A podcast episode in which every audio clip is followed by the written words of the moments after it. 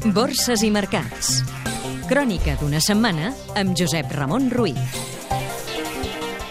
En una setmana marcada per la reunió del Consell Europeu, les borses han tancat a la baixa preocupades per l'augment de les incerteses sobre l'economia mundial, pels dubtes sobre la política monetària de la Reserva Federal nord-americana i també per la forta caiguda dijous passat de la borsa del Japó.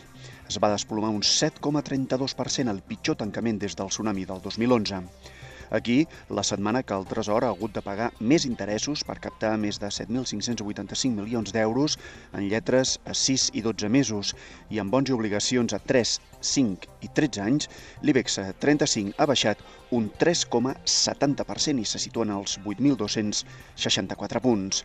La Comissió del Mercat de Valors ha anunciat aquesta setmana que investigarà els últims moviments baixistes de Bànquia per possibles irregularitats en la seva cotització.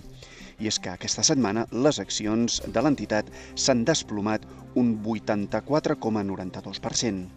Des de l'1 de gener, el parquet espanyol, a la cua d'Europa, acumula uns guanys només d'un 1,19%. Cotitzades catalanes. CaixaBank, Estudia vendre el 10% del grup financer mexicà Inbursa. Grífols, La setmana que ha celebrat Junta d'Accionistes ha comprat per 20 milions d'euros el 35% de la nord-americana Aradinc, especialitzada en malalties pulmonars. la seda de Barcelona, Plantejarà la Junta d'Accionistes una reducció de capital en 27 milions d'euros, una posterior ampliació i una reestructuració societària. Welling, El Consell ha aprovat l'OPA d'exclusió després que el grup IAG, la matriu d'Ibèria, ja controla el 90,51% de l'aerolínia de baix cost. L'euro.